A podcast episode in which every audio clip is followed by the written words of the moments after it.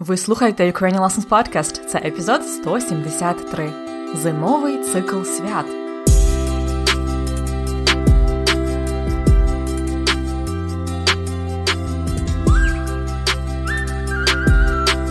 Привіт-привіт! Це Анна, і ви слухаєте подкаст Уроки української. Наближається сезон зимових свят. У нас на подкасті вже був не один епізод про зимові свята. Це і урок про те, як вітати з Різдвом і Новим роком. Також була колядка, був епізод про Андріївські вечорниці, про Святого Миколая. Так, в Україні в нас багато зимових свят, і це не тільки Новий рік і Різдво. Тому я вирішила сьогодні систематизувати для вас е, всю інформацію про зимові свята в Україні, або, як ми ще кажемо, зимовий цикл свят. Зрозуміло, що не всі ці свята зараз активно святкують в Україні, бо багато з них є релігійними, а деякі свята потрохи відходять в історію. Але все одно мені здається цікаво знати весь цей цикл зимових свят, щоб краще розуміти українську історію та культуру. То як, почнімо?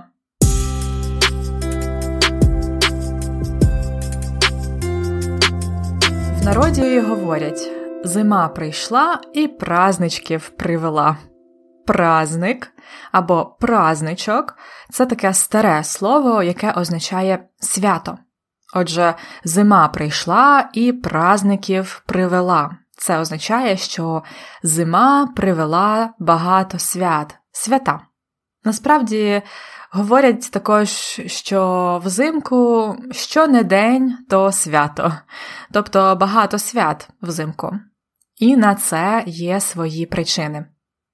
Взимку в Україні дуже холодно і темно. Колись люди не могли працювати багато взимку і мали досить багато вільного часу, і тому, мабуть, організовували різні свята. Крім того, саме в грудні є найкоротший день року, після якого день стає довший, а сонце починає підніматися вище, і потрохи наближається весна. Цей процес ще називали новим сонцем, відродженням сонця. А тому саме для цього нового сонця люди проводили різні обряди та свята. Адже частина історії українців це язичництво. До речі, слово обряд обряд означає ритуал. Це те саме обряд. Отже, першим святом зимового циклу називають так зване введення, коли літо вводиться в зиму. Це 4 грудня. У цей день дуже важливо, хто першим зайде до вас в хату. Якщо це буде гарний, молодий чоловік, багатий, то це добра ознака. Це знак того, що всі будуть здорові і в сім'ї будуть вестися гроші, тобто будуть е, прибутки, гроші. Якщо чесно, це свято зараз не дуже популярне, але інші два свята в грудні досить відомі це День Святої Катерини 7 грудня і День Андрія Первозванного 13 грудня.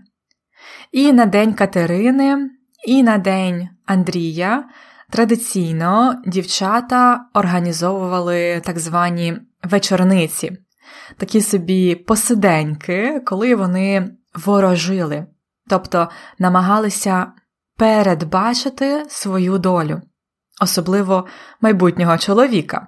Про ці традиції я детально розповідала в іншому епізоді в четвертому сезоні.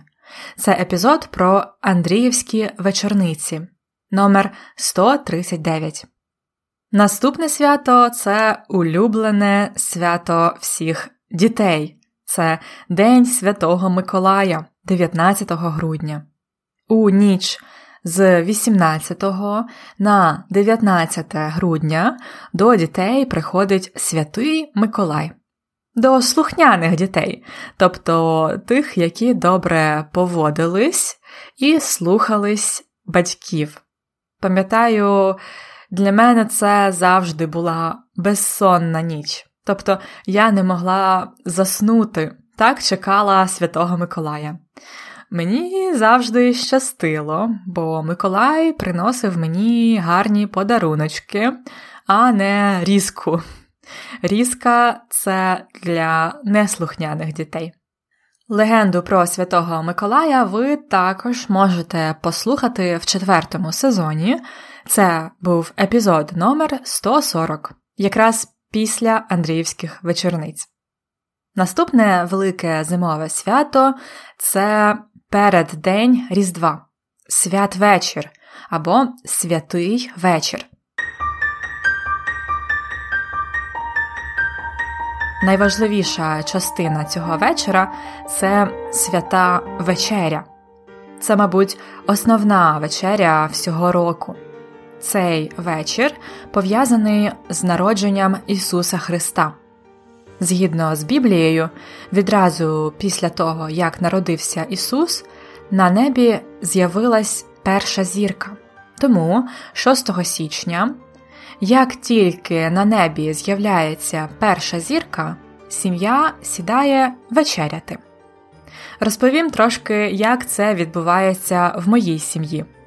Весь день ми багато готуємо, прибираємо, тому що за традицією треба приготувати 12 страв на святу вечерю, а також страви на наступний день, власне, на Різдво.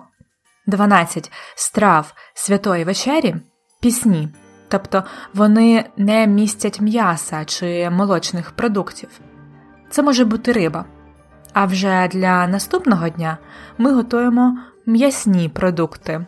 Мама обов'язково запікає шинку і ковбасу, це домашня ковбаса. Але їсти м'ясо ми будемо вже наступного дня, тому що 6 січня ми їмо тільки пісні страви: це різна риба, оселедець, вареники з капустою а також обов'язково має бути куття.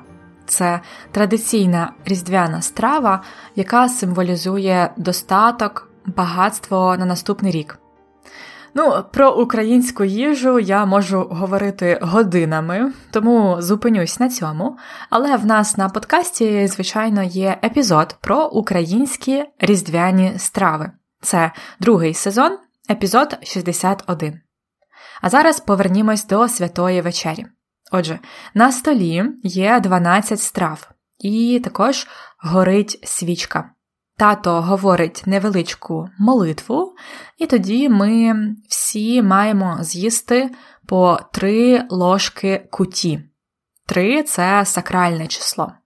І далі ми куштуємо всі 12 страв, а наприкінці залишаємо їжу на столі, і також залишаємо ложки для духів наших померлих родичів, які за легендою в цей вечір повертаються додому і приєднуються до святої вечері.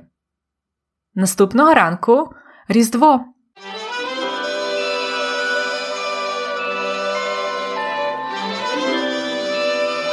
Люди йдуть до церкви і снідають уже не пісними стравами. Також е, всі багато ходять в гості і, звичайно, колядують. Колядують або співають колядки зазвичай діти, але не лише у колядках йдеться про народження Ісуса Христа. Коли я була маленька, я теж ходила колядувати. Якщо чесно, для мене це був такий собі спосіб заробити грошей. Тому що зараз і в моєму дитинстві люди дають дітям за колядку гроші. І таким чином можна назбирати собі немаленьку суму на щось, що давно хотів купити. Раніше в минулому дітям за колядки давали не гроші, а цукерки та горішки. Нагадаю, що в Україні є колядки, це пісні, які співають на Різдво, а є ще щедрівки, їх співають на інше свято Щедрий вечір або Меланки. Це 13 січня, і це вважають перед днем Нового року за старим стилем. Річ у тім, що зараз в Україні саме для релігійних свят ми використовуємо старий календар, який не збігається з офіційним календарем, який ми використовуємо в житті. Тому новий рік за старим календарем це 14 січня, а за новим календарем 1 січня. Знаю, звучить трошки заплутано. Так от, в ніч перед Новим роком відбуваються різні гуляння. Люди їдять кутю знову і мають вечерю. А молоді люди збираються разом і ходять щедрувати. Це традиція перевдягатися і співати щедрівки, щоб побажати людям багатства, добра, здоров'я, всього найкращого в новому році. У кого можуть перевдягатися люди? Це переважно якісь тварини, наприклад, ведмідь, кінь, може бути також людина певної національності, якоїсь екзотичної для нас, наприклад, єврей чи циган, може бути також професія, наприклад, поліціянт. А наступного ранку, 14 січня, це Новий рік або День Василя. Тоді, знову ж таки, важливо, щоб до хати першим зайшов молодий гарний хлопець, це приносить удачу. Зазвичай цей хлопець посіває, тобто розкидає в хаті зерна пшениці чи жита. Це зерно символізує багатство, добробут, щастя. Цього хлопця ще називають посівальник. Він розкидає зерно і говорить новорічні вітання. Наприклад, сію, сію, посіваю, з Новим роком вас вітаю. Отже, 6 січня це святвечір або багата куття. 13 січня це щедрий вечір або щедра куття. І є ще третя куття це 18 січня, і це голодна куття. Тоді останній раз готують кутю і вечерю. І наступного дня, можна сказати, завершальне свято зимового циклу. Це свято водохреща 19 січня. З ним пов'язують хрещення Ісуса Христа на річці Йордан. У цей день люди святять воду, але найвідоміший цей день саме тим, що найсміливіші люди купаються. Тобто, уявіть собі, зима, сніг, мінус 10 градусів, і люди бігають в купальниках. На річці лід, тому там роблять ополонку. Ополонка це така дірка в льодові, в озері чи на річці. Найсміливіші люди окунаються в цю ополонку, тобто купаються. А той, хто купається на водохреще, повинен бути здоровий і щасливий на весь рік. Але погодьтеся, ця традиція не для боягузів. 10 корисних речень. У цій рубриці я вибираю для вас 10 речень з моєї розповіді і розглядаю їх детальніше. Крім того, ви можете так практикувати свою вимову. Готові? Речення номер 1 Деякі свята потрохи відходять в історію. Деякі свята, тобто не всі свята, а тільки частина. Деякі свята. Потрохи, або потроху, або помаленьку це поступово, повільно, не швидко. і відходять в історію, тобто вже стають частиною історії, а не сучасності. Наприклад, зараз уже небагато дівчат святкують Андріївські вечорниці.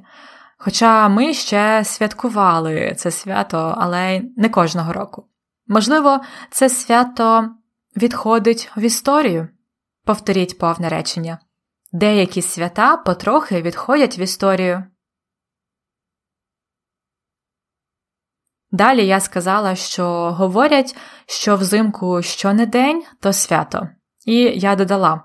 І на це є свої причини. Тобто є певні причини для ситуації. Ми говоримо це, щоб почати пояснювати, чому саме щось відбувається. Наприклад, у 2020 році зафіксували рекордну кількість покупок онлайн, і на це є свої причини коронавірус і карантин. Це корисне маленьке речення. Повторіть його. І на це є свої причини. Третє речення День стає довший, сонце починає підніматися вище. Тут є слова вищого ступеня порівняння. День стає довший від довгий, тобто більш довгий, довший, а сонце починає підніматися вище від високо, більш високо, вище. Ми утворюємо вищий ступінь порівняння з суфіксами ш, щ, також е, н, ін. Спробуйте утворити від цих слів веселий, веселіший, сумний, сумніший, низько, нижче, добре. Краще це виняток. Добрий, кращий, добре, краще. У конспекті цього уроку ви знайдете корисну табличку на цю тему та вправу. А зараз повторіть речення. День стає довший. Сонце починає підніматися вище. Далі я розповідала про свято введення. Якщо в цей день до хати першим зайде молодий, гарний, багатий чоловік, то це добра ознака. Це добра ознака, тобто це добрий знак. Це може принести вам удачу. Повторіть, це добра ознака. Наступне речення про Миколая. У ніч з 18 на 19 грудня до дітей приходить святий Миколай. У ніч з 18 це родовий відмінок, на 19 це знахідний відмінок. Ось ще приклад. Новий рік за традиційним календарем в Україні святкують у ніч з 13 на 14 січня.